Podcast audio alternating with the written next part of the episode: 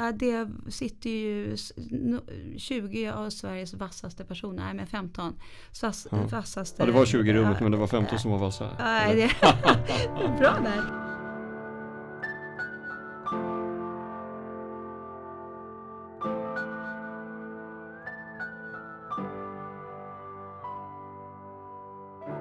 Det här är Jessica Bjurström, VD för KOM, branschorganisationen för Sveriges kommunikationsbyråer.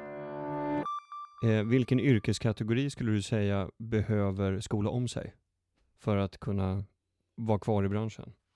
Och till vad då i sådana fall? Ja, men vi, får, jag, får jag bara börja med att säga så här. Det som är otroligt viktigt nu det är att alla förstår. Eh, nummer ett så måste du vara hyfsat digital. Ja. Eh, om inte annat förstå vad det är du inte kan. För att kunna liksom lägga upp det på borden med en gång. Det här kan jag inte. Det behöver jag hjälp med. Eh, med min kärnkompetens eh, kommer ni behöva. Eller det vet alla oftast att man, att man är, vad man är duktig på. Ehm, men jag tror att ganska många måste börja förstå eh, den nya mediamekaniken som sker nu.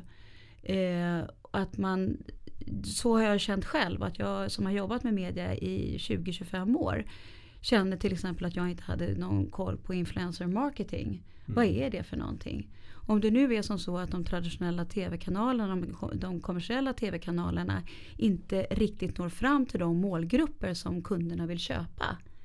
Eh, eller att de gör det inom vissa program. Hur ska jag komplettera då min mediamix? Eh, så svaret är väl egentligen att man behöver eh, både veta hur man ska ta strategi ut men också ta ansvar för att den når fram hela vägen. Mm. Och då måste man lära sig mer om den nya medielandskapet. Du, när vi ändå är inne på titlar och semantik och sådär. Kan du inte eh, säga vad influence marketing är för, för dig? Mm. Influencer marketing handlar om att fler och fler konsumenter uppger att rekommendation är ett av de primära valen som gjorde att de till slut köpte någonting. Och att de blev helt enkelt påverkade av någon. Och en påverkare är en influencer. En påverkare kan vara din granne eller dina barn eller någon du umgås med. Eller någon som du inte känner men som du ändå läser om eh, deras dagliga, vad de håller på med på dagarna. Och då kan det vara en bloggare eller det kan vara någon som du följer på sociala medier. Och då blir den personen en influencer i ditt liv. Mm. Har, har vi satt för hög tilltro till eh, influencers? Eller har de en, en rejäl, eh, liksom, spelar de en, en, en sån tung position som branschen har pratat om? Beroende på hur smala ämnena är så kommer ju, om jag till exempel eh, älskar att yoga så kommer jag följa en person som håller på och jobbar med yoga. Och är det som så att vi, vi samspelar så att det känns nästan som att det här är en kompis så kommer ju naturligtvis rekommendationen från den människan vara jätteviktiga för mig. Eller om jag gillar bilar så kommer någon, det här är alltså, det är en klassisk fankultur vi pratar om. Det är bara det att de här människorna är inte bara några som du får ett nyhetsbrev av en gång i månaden utan du kan följa dem ja, flera gånger om dagen.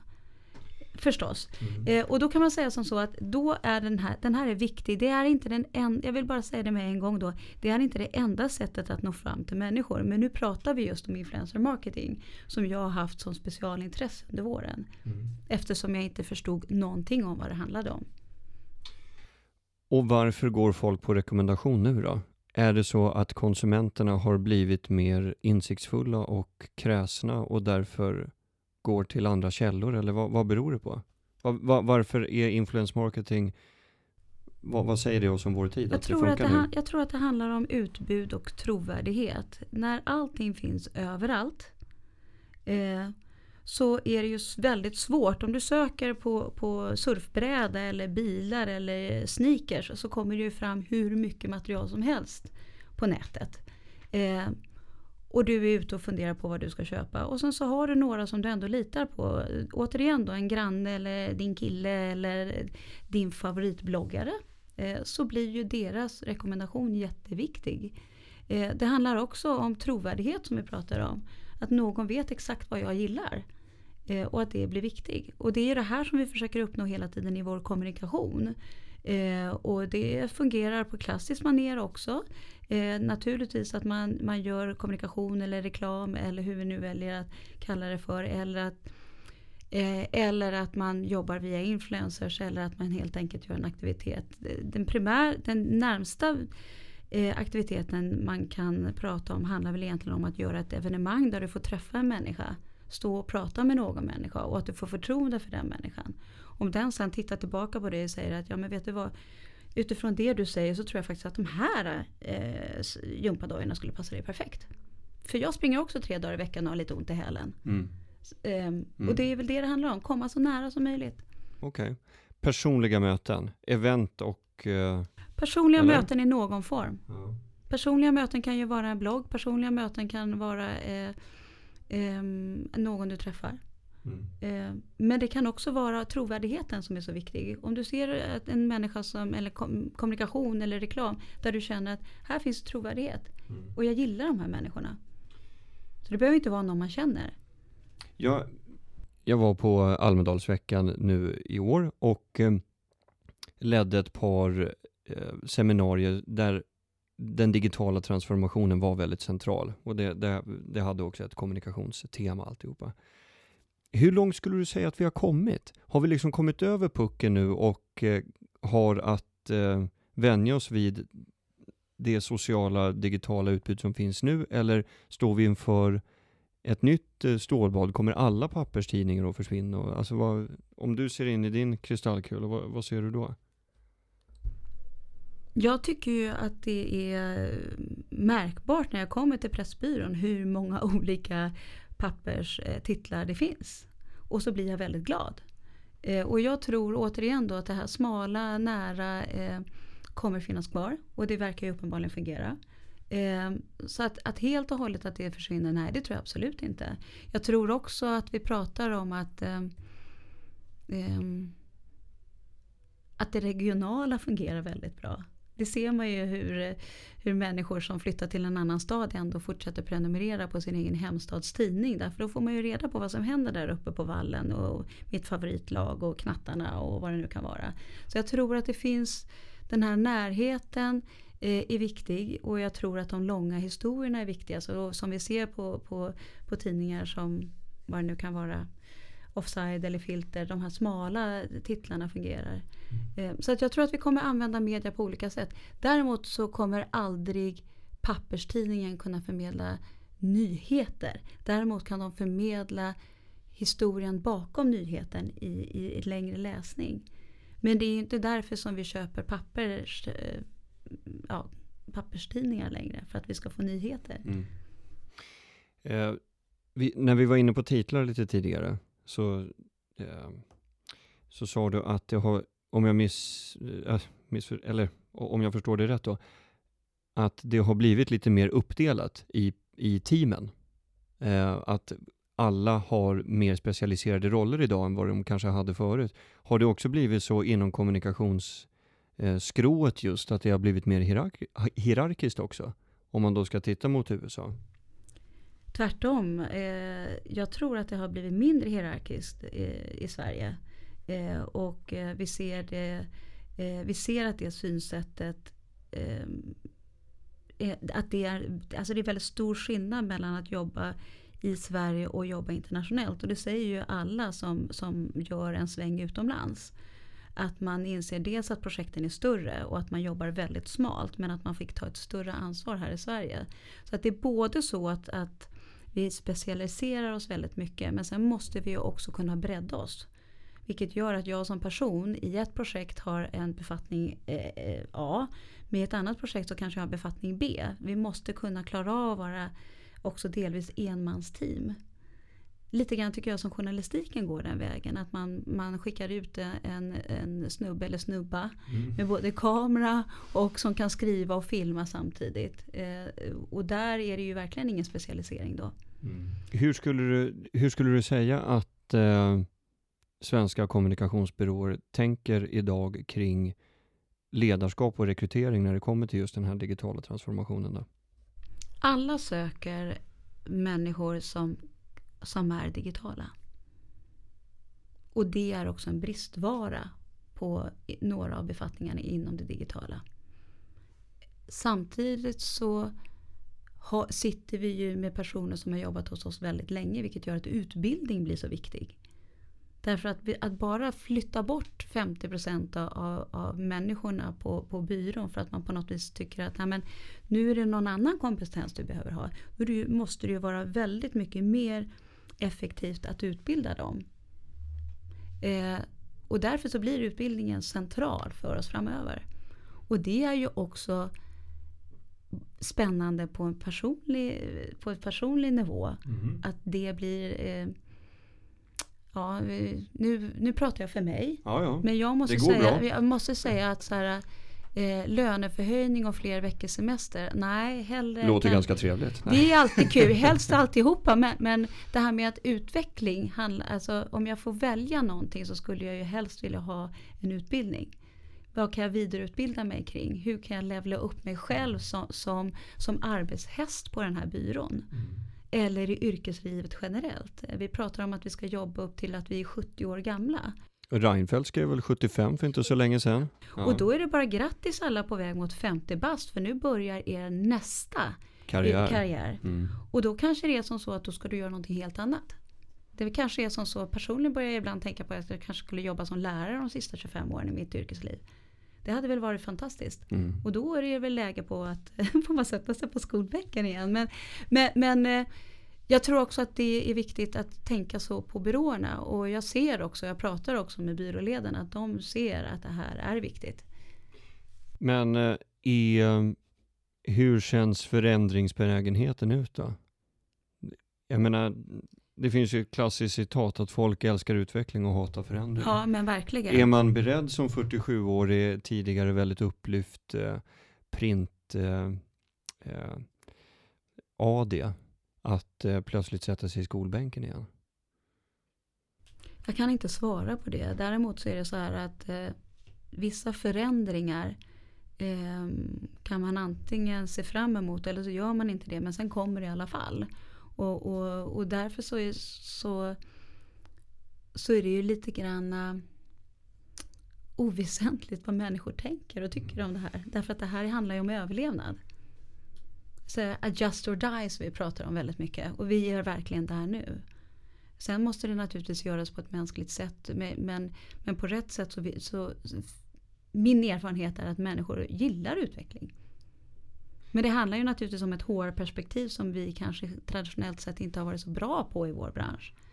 Oftast, så, inte helt sällan på byråerna så är det kanske den som betalar ut lönen som också är den som står för, för hela HR-arbetet. Eh, och det är eh, någonting som vi har identifierat och pratar väldigt mycket om på förbundet. Att kunna stötta byråerna i entreprenörskap, att kunna stötta inom HR. Att det är egentligen det är faktiskt planen för 2016 och 2017. Mm, på vilket sätt då? då? Nej, vi ser ju att eh, i en talangbransch så måste människor, människorna är ju maskinerna på byråerna. Och eh, precis som man måste uppdatera maskinerna ibland så måste man ju naturligtvis uppdatera människorna som jobbar i branschen. Men de maskinerna måste ju också må bra. Så att det är ju både att, att, se till vad behöver jag för att få min verksamhet att gå runt och våra kunder vad efterfrågar de. Men också hur får vi de befintliga anställda att svara upp mot dem, den efterfrågan. Och också må bra. Därför att om människor inte mår bra som, som jobbar med talang eller administration eller kommunikation. Så, eh, så blir det väldigt svårt att bedriva verksamhet. Och där kan förbundet komma in och stötta. Men vad då menar du att det är många som sitter på för många stolar? Jag, säger, jag, jag, vet inte exakt, vi har bara pratat väldigt mycket om det. Och när vi gick ut och frågade våra eh, medlemsbyråer vad de mm. tyckte var eh, nummer ett så är det ju eh, att få verksamheten att gå runt ekonomiskt. Eh, ehm, och nummer två, eh, få stöttning i hur ska vi tackla framtidens eh, ehm, kompetensförsörjning och framtidens HR-frågor. Men, men är, är det ett förbunds uppgift att hjälpa medlemmarna att tjäna pengar? Ja, det är absolut, det, det, kan man fråga och vi har kommit fram till att svaret är ja på den. Ja, men hur ska ni göra det då? Det är väl de som vet det bäst om jag ska vara lite elak. Men absolut, visst är det så. Men om vi kan stötta med sådana saker som, man, som tar tid och som kostar pengar för dem. Om vi kan hjälpa dem med det och, och på något vis eh, ja, helt enkelt lägga in det i medlemsavgiften som en service så, så blir det vårt uppdrag. Mm. Vi vill ju att nummer ett att byråerna ska må bra, att de ska göra ett bra jobb för sina kunder och att de ska finnas. Och den här sista delen, att de ska få finnas, det handlar ju om att de måste få tjäna så pass mycket pengar så att de, de tycker att det är lönt att driva bolag. Mm. Självklart. Men, och vi har ju, och förlåt jag måste ja, bara säga visst. det att när vi går in och tittar på framförallt Sveriges kommunikationsbyråer som, som vi pratar om nu så, så är snittantalet anställda på byråerna 17 personer. Och då kan man titta på ett sådant bolag så kan man säga att ja, men, om vi kan lyfta ett par, eh, ett par frågor från deras axlar så kommer de att eh, kunna göra ett bättre jobb och tjäna mer pengar. Och då blir det vårt arbete. Vilka frågor kan det, kan det vara?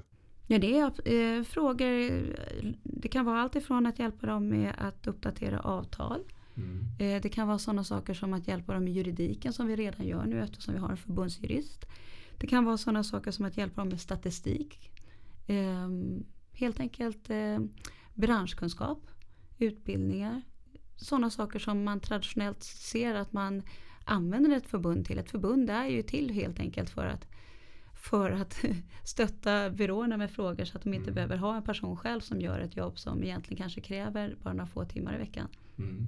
Så då, då kan man ge era, alltså man kan ge er eh, uppgifterna till Tensign och så kan ni fylla i de här yes. ramavtalsblanketterna. Yes. Ja men precis så är det. Nej men framförallt se, se till att de får, får eh, stöttning i hur man ska fylla i dem. Ja, precis. Eh, 17 personer, är det mycket eller lite i ett internationellt perspektiv? Med, ja, det är lite. Ja men det är lite. Om man tittar på, eh, det, och det har ju naturligtvis att göra med hur, att vi är ett ganska litet land. Mm det är väl ungefär vad, vad det, det, kan ju på en amerikansk byrå kan ju det vara en arbetsgrupp. Ja, eh, men å andra sidan då så, så ser vi ju hur kreatörer skriver hem och säger så här, åh nu fick jag göra en banner. Efter ett halvår. Ja okej. Okay. Ja när de, när de är på uppdrag utomlands ja, menar du? Ja precis. Medan här så kanske det är en byrå då med två arbetsgrupper eller tre till och med. Mm. Hur står Sverige sig rustade i en global konkurrens när det kommer till just kommunikation? Vi står ju väldigt bra till.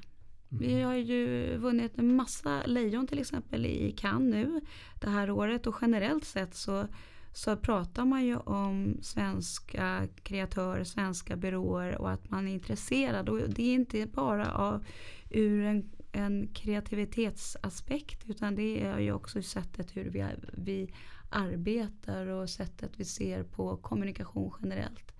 Eh, och inte sällan ser man ju att många byråer som till exempel får ingå, blir uppköpta och, och, ingår i ett nätverk. Att en eller två personer från den svenska byrån blir förflyttade till ett annat land. Eller till och med får resa runt i nätverket för att sprida och, och coacha och, och ge nya inspel på den kommunikationen som görs på den byrån just nu. Mm. Vad, vad, är det i arbetssättet som intresserar internationellt? Man har ju pratat om att eh, vi eh, har en platt struktur, att vi eh, är, ehm, ja generellt man pratar man ganska mycket om eh, det svenska sättet att titta på, på hur, hur individer tar emot kommunikation. Eh, och där kommer naturligtvis, om vi nu det kära ordet värderingar in. Att man anser, Svenska värderingar? Nej, det vi pratar om? Det, vi pratar, vi kan, det är ju det här verkligen en intressant fråga. Ja. Men, men här, värderingar som bygger på, på de, demokratiska värderingar. Eh, förtroendet för att människor tar till sig kommunikation på ett sätt som, eh, som inte bara fungerar i Sverige utan kan fungera internationellt också. Eh, och inte helt sällan så har jag ju suttit med människor som har suttit i jurysar internationellt som verkligen för, får förklara de svenska bidragen. Det finns ju, det finns ju länder som har, som har jurymedlemmar skickade som inte helt och hållet förstår. Eh, och sen också eh, generellt bara försöka sprida det som vi tydligen är väldigt, väldigt bra på. Och det är en hög kreativ nivå. Mm. Va, va, hur kommer det sig? Att, kreat, att ni, nu, nu himlar de med ögonen här. Men, men hur, hur, kommer det sig att, att nivån är så, så hög? Har du fått den frågan många Nej, gånger men alltså, eller? Det är, ju, eh, det, det, det är ju det här vi pratar om hela tiden. Ja. Man pratar om så här, vad, är, vad är det ni får i liksom den svenska modersmjölken eller de svenska vatten? Vad, är- vad, är, Ja. vad är det för någonting? Och allting och det finns hur många svar på det som helst. Mm. Eh, jag skulle, ibland så skulle jag verkligen vilja lyfta det här med att vi pratar väldigt mycket om att jobba i projektgrupper, eh, samarbete, att Eh, vi får lära oss det som barnsben. Men det finns också den digitala delen som är väldigt stor. Den är ju oerhört stor och stark. Alltså Sverige har ju varit duktiga på digital kommunikation länge. Ehm, och man, har, man pratar väldigt mycket om så här utbyggnaden av bredband, man pratar om PC-reformen. Eh, att man bestämde sig för att eh, svensk, alla svenska hem skulle ha liksom en PC, att det där har varit starkt. Man pratar om eh, ehm, Faktiskt pratar man om, om diskussionerna som, som, som, som grundades i tankarna om folkhemmet. Eh, att det, eh, och naturligtvis att, att människor, att svenskar ses som, som starka entreprenörer. Eh, och om det sen har att göra med att hej, jag har en idé, vi startar får vi se hur det går. Och om inte det funkar så kan jag ändå gå tillbaka och känna trygghet i att staten kanske stöttar mig under en period. Eh, eller att man får göra fel i det här landet därför att det är inte så hierarkiskt. Vilket gör att eh, kanske att människor vågar vara, eh, flyga lite mer. Och Så- så, och så vidare. Så så svaret vidare. ligger någonstans mellan CSN och Per Albin Hansson alltså? Ja, ska jag vilja göra. Absolut. Ehm, Och så lite bredband på det. Ja men eftersom det digitala undret var det som vi började prata om. När jag kom till förbundet 2010 så hade vi haft ett projekt som hade löpt mellan 2007, 8, 9, eh, ehm, 2007, 8, 9, 10 eh, och eh, man pratade väldigt mycket om det digitala undret. Vad är dina personliga riktlinjer för en chef på en kommunikationsbyrå som du aldrig tummar på? Nu har jag ju inte varit chef på en kommunikationsbyrå. Men du träffar ju men i jag- ditt jag träff- yrke Men väldigt jag- många. Ja, och de är väldigt olika allihopa. Men det, det jag kan se eh, när jag till exempel, eh, Forsman och Bodefors till exempel eh, är ju ett ställe där, där, där, där man lägger ut jobben på, på golvet och sen så är det i princip hela byrån som kommer fram och lägger sina kommentarer. Och då kan man väl säga så att det man inte får tumma på då det är ju verkligen att man eh, har högt i tak. Och att människor får komma till tals och att det verkligen inte har att göra med vad som står på visitkortet. Eh, utan att, eh, att man är öppen för, för, för att fler får komma in och tycka och tänka. Så att högt i tak är väl, skulle jag vilja säga. Eh, att man får kritisera chefen är väl eh, en viktig del. Eh, och att eh, människor ses som individer också. Att man är liksom en full person. Och att man eh, Eh, och sen om det har att göra med att man eh, vi, vi jobbar ju ganska mycket i perioder kan man väl säga. Eh, det är väldigt svårt att se att byråerna släcker och går hem vid fem eller sex snåret utan det är ju tänt eh, sent och det vi jobbar rätt mycket på helgerna och det gör väl också att eh, kan man jobba när man ska vara ledig så kanske det är som så att man också ser, får- måste se till människor att de någon gång kan få vara lediga fastän de skulle egentligen behöva vara på jobbet och så vidare. Mm. Så att det här flytande sättet att titta på det har både tycker jag ehm, svårigheter och positiva delar i det. Vi var ju inne på det lite grann, men är kommunikationsbranschen i större behov av en branschorganisation nu efter digitaliseringen? Eh, vi är ju eh, så olika som vi är nu så tror jag verkligen att man har behov av ett förbund. Eh, när vi gick från att heta Sveriges reklamförbund 2009 till Sveriges kommunikationsbyråer så hade det föregåtts av många diskussioner.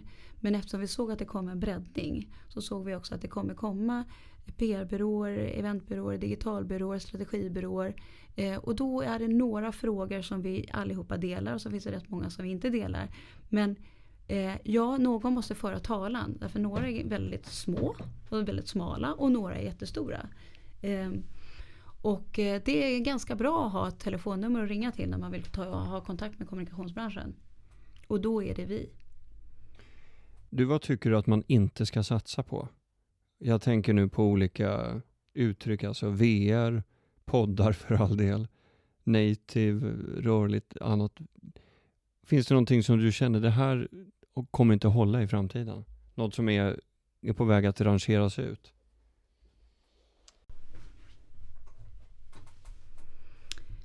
Eh, nej, men jag skulle vilja passa på den frågan för det har jag lärt mig nu under de här åren att det går så fort så att det går liksom inte att säga riktigt. Jag kan brinna för någonting så förbannat mycket före sommaren och sen efter sommaren så känns det som att oj, nej, men det där känns inte så eh, kul längre. Vad mm. fort, det går så fort nu. Mm. Eh, så att... Eh, jag tycker att det, det enda som man kan säga just nu det är att ehm, eh, trovärdighet nummer ett. Eh, nå fram, jätteviktigt. Ehm, eh, hur man gör det är inte egentligen så viktigt. Bara, bara att nå fram är, är tricket. Och sen om man gör det med native eller eh, om man gör det med event eller om man gör det med VR. Det, det är ju också en, en tid för experimenterande just nu. Eh, jag vet inte hur det blir. Så man kan inte fråga dig hur det ser ut om ett år? Nej, eh, man kan nog få en liten riktning eh, om hur det kommer se ut. Eh, vi är ju snabba på saker och ting och det som känns väldigt roligt och tekniskt och spännande eh, det kan försvinna fort om inte om, massan är kritisk. Det måste vara väldigt många som gör någonting för annars blir det så vansinnigt dyrt att driva bolag. Eh, så att eh, satsa på det som många gillar. Mm. det är nog tricket. Mm. Du, eh, jag tänkte bara av ren nyfikenhet, hur blev du, varför blev du just du som blev VD på, på KOM? Mm. Hur länge har du varit där förresten? Ja, jag har varit där nu sedan 2010. 2010, våren. just det. Sex år. Ja. Eh, jag eh, tror faktiskt att eh, de som rekryterade mig sa att jag motsvarade precis den bilden av en framtida VD som de ville ha. Någon som hade jobbat, med, som hade jobbat några år på byrå som hade, eh, som hade jobbat med affärer och kanske till och med en media, eh, något mediaslag. Och eftersom jag hade varit affärsutvecklare både på Schibsted och TV4 så kändes det nära. Eh, någon som hade en hum om eh, hur journalistiken skulle skära sig mot kommunikation och reklam. var intressant. Jag hade pluggat på Poppius så att det fanns intresse där. Eh, jag blev uppmanad att söka det här jobbet. Eh, och eh, jag fick faktiskt Eh, jag fick komma och pitcha på, på styrelsen. Ja. Eh, 2010. Hur såg och det, det ut? Ja, det sitter ju 20 av Sveriges vassaste personer, nej men 15. Vass, ja. vassaste. Ja det var 20 i rummet men det var 15 som var vassa. Nej, det, bra där. Tack nej men säg att det var 15 personer som satt runt ett bord ja. eh, och väntade på att få svar på en, en lista med 20 frågor. Och sen så och sen bara du, du har nu en timme på dig, varsågod. Um, och en timme Ja, också. och då uh, som tur var hade jag ju fått den listan innan. Men okay. man gillade det man såg och läste antar jag. Sen tror jag att vi, man ja, men Vad var det för frågor då? Varför tror du, eller vad tror du det är som gör att vi i framtiden kommer behålla våra medlemmar? Man såg att eh, det fanns, eh, det fanns diskussioner i branschen som gjorde att man kände att, att det var stökig känsla gentemot förbundet och mot varandra. Eh, och hur skulle man göra för att helt enkelt få branschen att känna en lojalitet? För det går ju inte när omvärlden rockar att man även också inom familjen eh, börjar splittras så att det bildas grupper mot varandra. Eh, och ett förbund bygger ju helt och hållet på att vi är lojala mot varandra och mot tanken om att ha ett förbund. Eh, om man inte vill ha ett förbund så kommer det inte finnas några medlemmar och då, finns det liksom, då upplöses förbundet.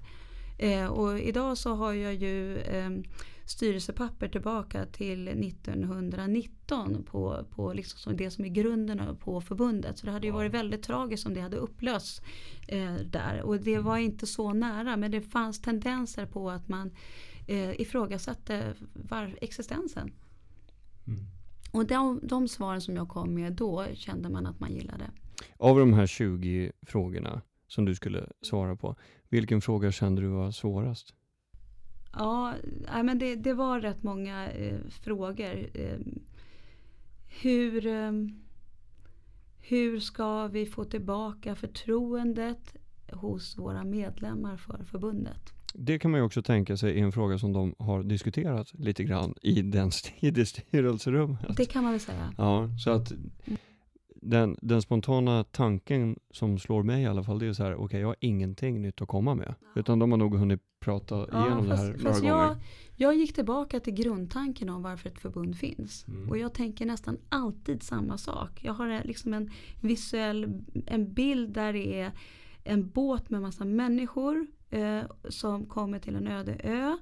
Och där behöver man förhandla med öborna. Och det kan inte alla som sitter på den här båten göra. Utan då skickar man fram någon som man tycker verkar lämpad att snacka med den här byhövdingen. Eh, och om det är som så då att man ställer krav på den här personen som ska förhandla och sen när de kraven inte gick igenom med byhövdingen då kapar man armarna på, på den personen som man valde att skicka fram. Kommer någon annan vilja ta det jobbet sen? Svaret på den frågan kan man nog enas om är nej. Mm. Eh, och kommer den personen göra ett bättre jobb nästa gång den ska till byhövdingen? Svaret på den frågan är också nej. Så det handlade väldigt mycket om att, att också ställa krav på medlemmarna i rollen som VD.